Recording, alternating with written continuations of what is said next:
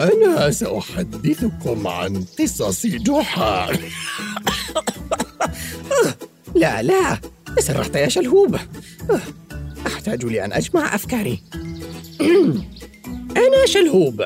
شلهوب حمار جحا. أتعرفون جحا؟ وحكيم الحمقى وأحمق الحكماء.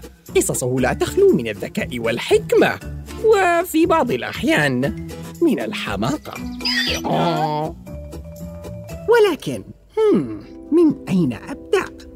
أوه تذكرت واحدة.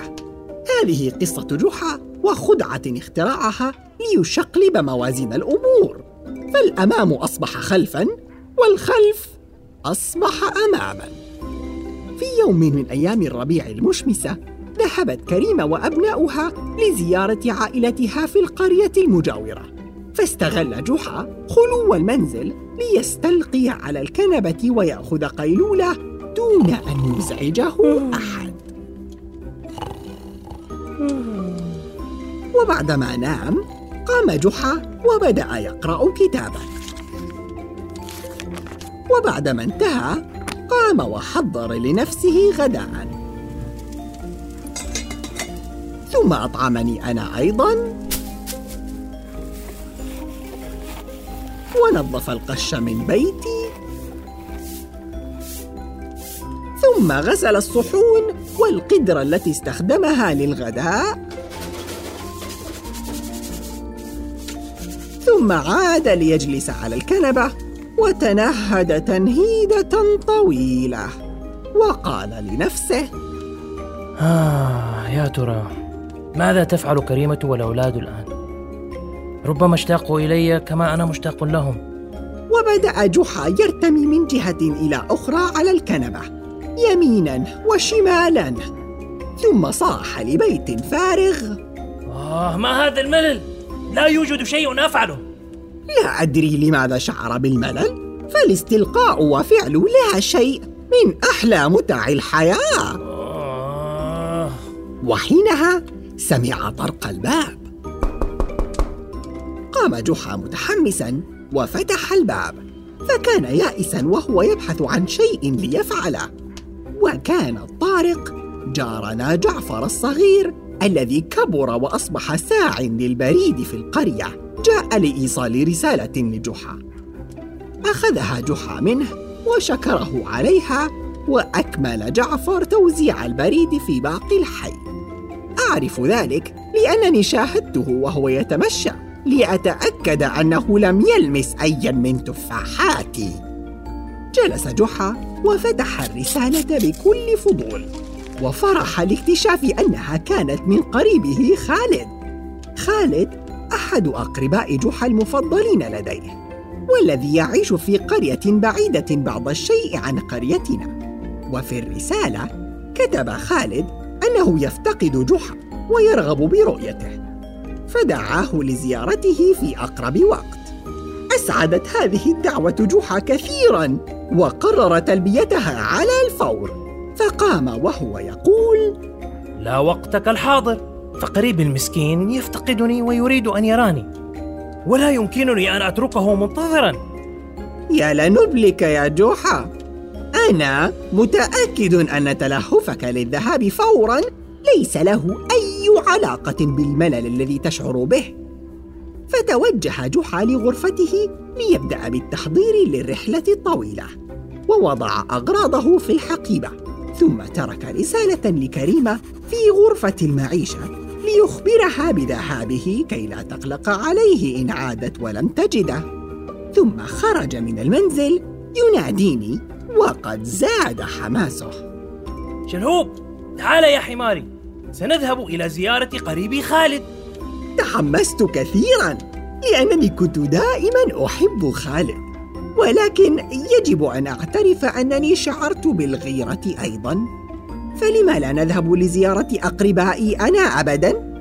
مثل ابن عمي عكموس ذي العين الواحدة الذي يعيش في المزرعة. آه يا عكموس كم اشتقت إليك!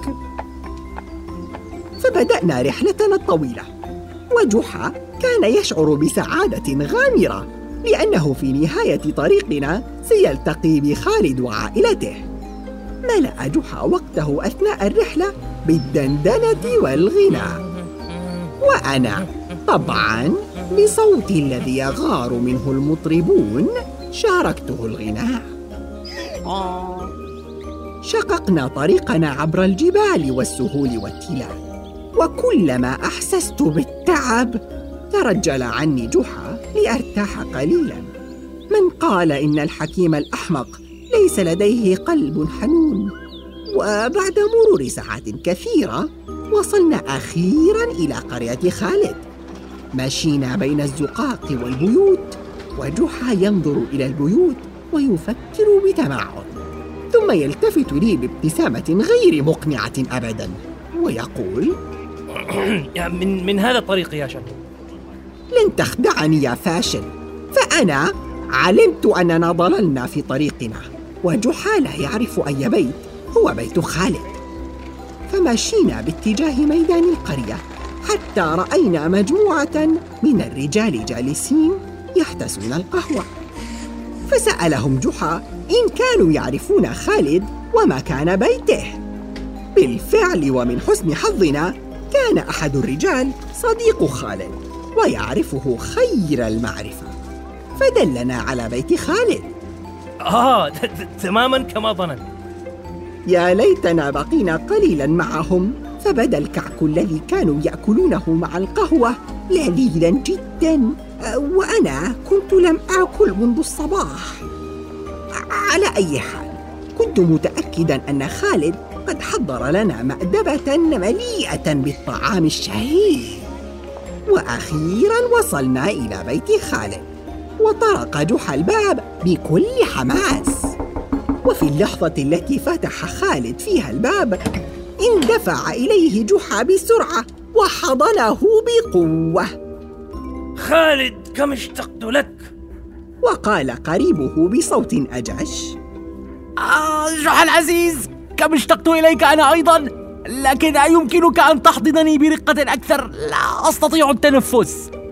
فتركه جحا بسرعة وبدأ الاثنان الضحك.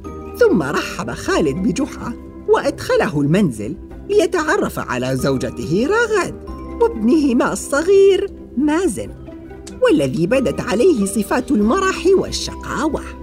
وفي اللحظة التي دخل فيها جحا البيت ظهرت نظرة اندهاش على وجه مازن.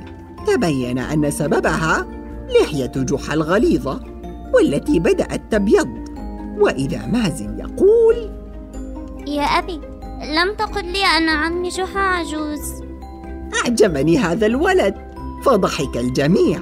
ومازن يزداد اندهاشا وإعجابا باللحية. وقال له جحا مبتسما وكم تعتقد عمري يا مازن؟ فكر مازن مليا بالأمر وهو يحدق بلحية جحا ثم قال مئة سنة.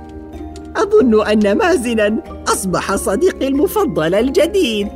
عم الصبت في الغرفة ثم انفجر الجميع بالضحك ومازن احمر وجهه من الخجل فقال جحا عمري خمس وثلاثون سنة يا قاسي. زاد الضحك بالغرفة إلا مازنا الذي بات مصدوما من الجواب.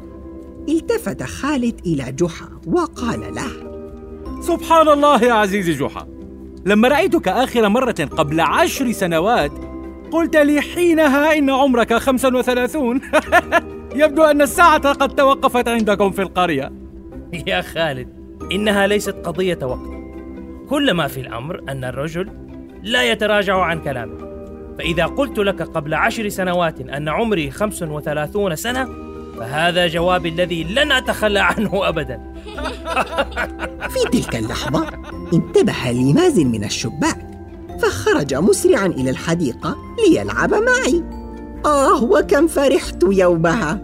لعبنا لعبة الغميضة وطاق طاق طاقية وركبنا المرجوحة معا. بعد نهار قضيناه باللعب والمزاح. حضرت لنا رغد عشاء يليق بالملوك. فأكلنا حتى التخمة. ولكن في المعدة خلوة لا تملأها إلا الحلوى. وإذا خالد يحضر طبقا كبيرا مليئا بالحلوى العربية الأصيلة. وهكذا أنهينا يوما جميلا برفقة خالد وعائلته.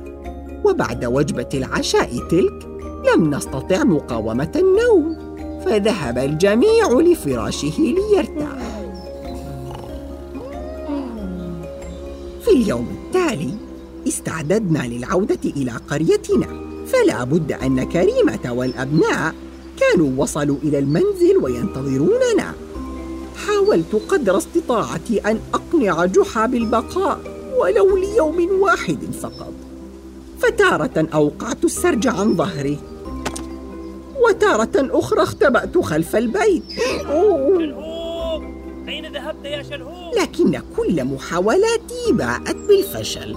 فشكر جحا خالد ورغد ومازن الصغير على حسن ضيافتهم وودعهم بكل حزن لكن أبى أن يغادر حتى يعدوه أن يزورونا قريبا.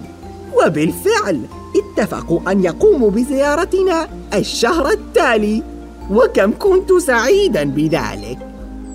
أوشكنا على المغادرة وجحا بدأ يركب على ظهري وإذا رغد تطلب منا أن ننتظر.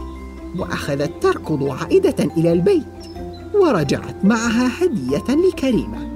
شكرها جحا وجاء ليودع الجميع.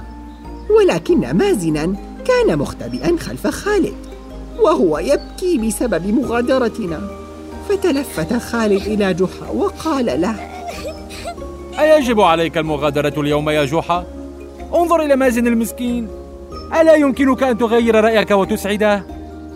فانحنى جحا لينظر إلى مازن وقال له بابتسامة دافئة يا عزيزي يا مازن لو كان باستطاعتنا البقاء لبقينا عندكم شهرا كاملا ولكن يجب أن نعود لكريمة والأولاد. ولدينا عمل في الحقل غدا. ولكن سترى سيمر الشهر بلمحة البصر. وستلعب مع شلهوب وأبناء عمك قريبا. ولدي مهمة لك. أريدك أن تفكر بألعاب كثيرة لتلعبوها عندما تزوروننا. ما رأيك؟ تنهد مازن موافقا. فركب جحا على ظهري. وودعنا الجميع. وظننت أننا سنبدأ برحلة عودتنا. ولكن ما أن بدأنا نمشي حتى بدأ أن مازن تراجع عن موافقته. فصار يبكي ويصيح وتمسك بسرجي حتى لا نذهب. غيرت رأيي ممنوع أن تغادروا يا حبيبي يا مازن. اتفقنا أن نراهم الشهر القادم.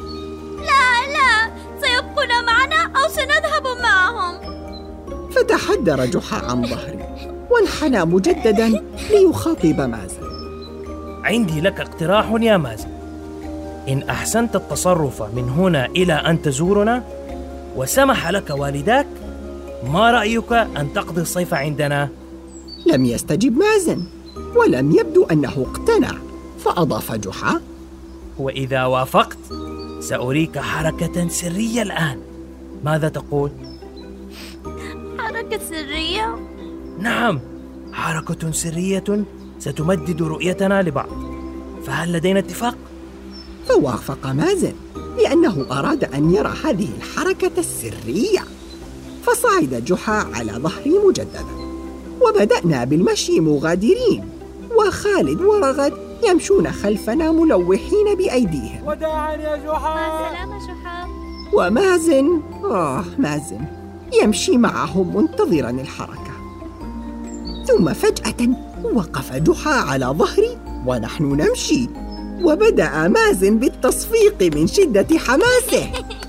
وأنا أوه كاد ظهري ينكسر من جحا فهو ليس رشيقا كما يعتقد. أوه. ثم عاد جحا للجلوس ولكن بالمقلوب فكان أن استدار وكان مواجههم. ملوحا بيده مودعة ضحكت العائلة واستغرب خالد ورغد ولكن مازن فرح كثيرا وصاح. عمي جحا. لماذا جلست على شلهوب بالمقلوب؟ فعلا يا جحا. لماذا؟ فأنا أبدا غير مرتاح. يا عزيزي يا مازن لو أنني جلست على شلهوب ووجهي للأمام لن أستطيع أن أراكم وأنا أودعكم. أما بهذه الطريقة فأنا سأكسب رؤيتكم لآخر لحظة وهذه حركتي السرية. يا لأنانيتك يا جحا فأنا أردت أن أراهم ونحن مغادرون أيضا. ولكن كما قال جحا لم يطل الوقت حتى رأيتهم بعد شهر ولعبت مع صديقي المفضل الجديد مازن مجددا. علي الإقرار. أنا معجب بقدرة جحا على الاستفادة دائما من كل لحظة في حياته. فمن شدة محبته لخالد وعائلته لم يرغب أن يضيع لحظة وهو معهم حتى وهو يودعهم